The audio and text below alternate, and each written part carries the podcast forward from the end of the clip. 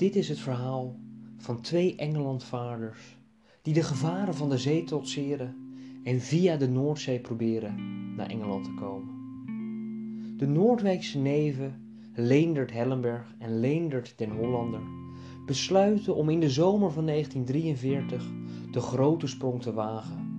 Ze zijn in het bezit van een klein bootje en kiezen het Noordwijkse strand als vertrekplaats. Dit is een riskante keuze. Het Nederlandse strand, ook dat van Noordwijk, is vanaf 1 mei 1942 al verboden terrein, ook wel spergebied geheten. Alleen met een auswijs mag je het verboden terrein betreden. Duitse schildwachten houden de wacht en schieten op iedereen die het gebied zonder toestemming betreedt. In een brief naar huis vertelt Hellenberg over hun grote oversteek. Hij schrijft: Dus op de bewuste dag zijn wij midden in de nacht gestart met dat kleine vletje van Hein Lang. Twee nachten van tevoren hadden wij gegraven om de landmijn eruit te krijgen. Daar hadden wij geluk mee dat er niets geploft is. We hebben dat pad voor Hotel Hoek gemaakt, langs die draadversperring. Dat bootje lag in de zeebadverhuur en wij gingen er in de middag heen en zeiden tegen Piet Bedijn dat wij het gekocht hadden, wat natuurlijk helemaal niet waar was. Toen hebben wij het op een handkar naar onze garage gebracht, met een zeil erover. We hadden twee pond boter, tien broden en twintig liter water bij ons. De sextant die we hadden was van een kennis, Jan Schuurder, gekocht. Een zeekaart hing in het hotel, waar wij de helft van hebben afgeknipt. Dus die nacht om één uur, het was niet eens zo donker, hebben wij het bootje over de muur gezet en daarna over het mijnenveld gesleept. En toen over de prikkeldraadversperring en tankasperges naar zee. Het viel ontzettend tegen en vooral omdat wij op het strand met z'n tweeën moesten slepen. Toen wij aan zee waren, waren we moe. Alle twee doodsmoe. En door de opwinding waren wij onze zeekaart verloren. Dus hadden wij niets meer dan onze sextant. Ook verloren wij het roer. De zee lichtte erg. En toen wij erin waren, was het één bonk vuur. Het was een win dat ze ons niet gezien hebben.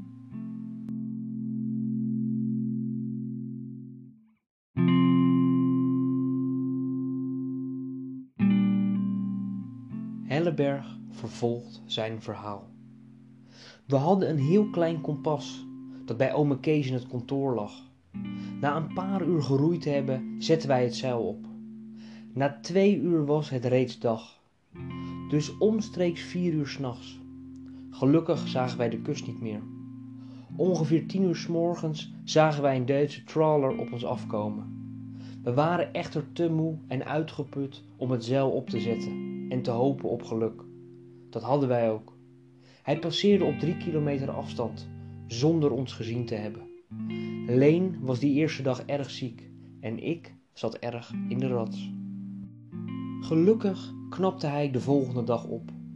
De tweede nacht hoorden wij ineens een gesnuif naast ons. We dachten dat het een oelboot was, maar gelukkig waren het een heel stel grote bruinvissen die ons de hele reis verder gezelschap hielden. Wat niet zo aangenaam was, daar zij langs het bootje schuurden en wij bang waren dat zij het om zouden kiepen. Het bootje lag toch al zo rank, als je ging verzitten, schepte het water. De derde dag was er helemaal geen wind en roeiden wij van ochtends vier tot s avonds acht uur aan één stuk door. Telkens losten wij elkaar ieder uur af en trachtte dan een beetje te slapen. We hadden de moed al een beetje laten zakken. Dat valt erg tegen als je zo zit te wachten. En er kwamen wel telkens vliegtuigen over, maar die zagen ons aldoor niet, wat erg tegenviel. Om tien uur, de derde dag. We hadden tot acht uur s'avonds geroeid en toen kwam er een beetje wind opzetten en zeilden we nog twee uur lang. Toen wij motorgeronk hoorden en ver weg vier snelboten zagen gaan, Plotseling draaiden ze bij en kwamen ze op ons af.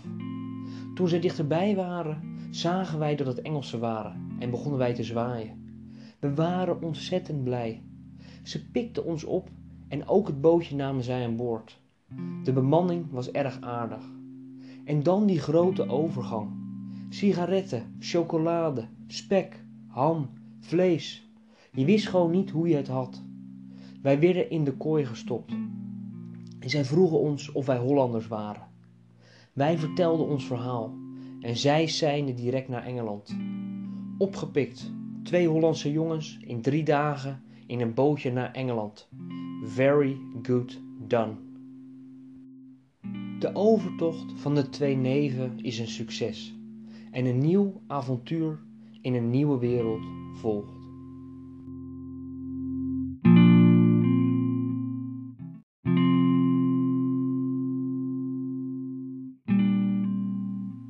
Als de twee neven in Yarmouth, Engeland, aan land gaan, worden ze opgepakt en voor drie weken vastgezet in Londen.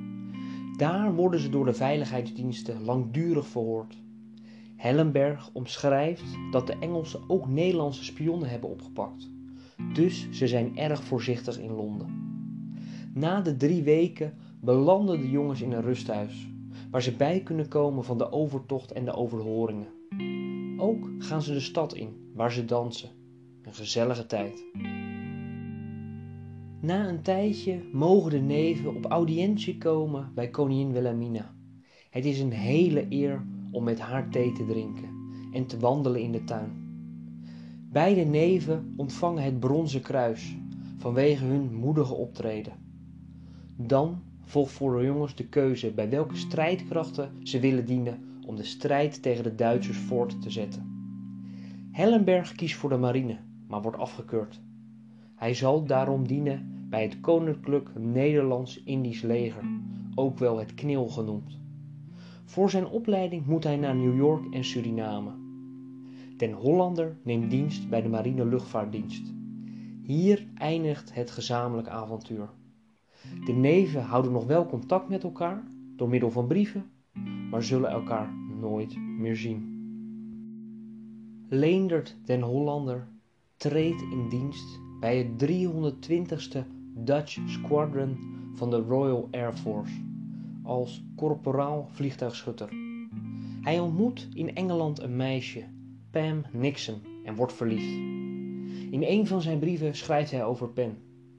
Hij zegt: Ik loop ook nog met ernstige verlovingsplannen rond. Met dat meisje uit Maidenhead, familie Nixon. Ik ben tot nu toe op elk verlof daar naartoe geweest en heb het reuze goed naar mijn zin.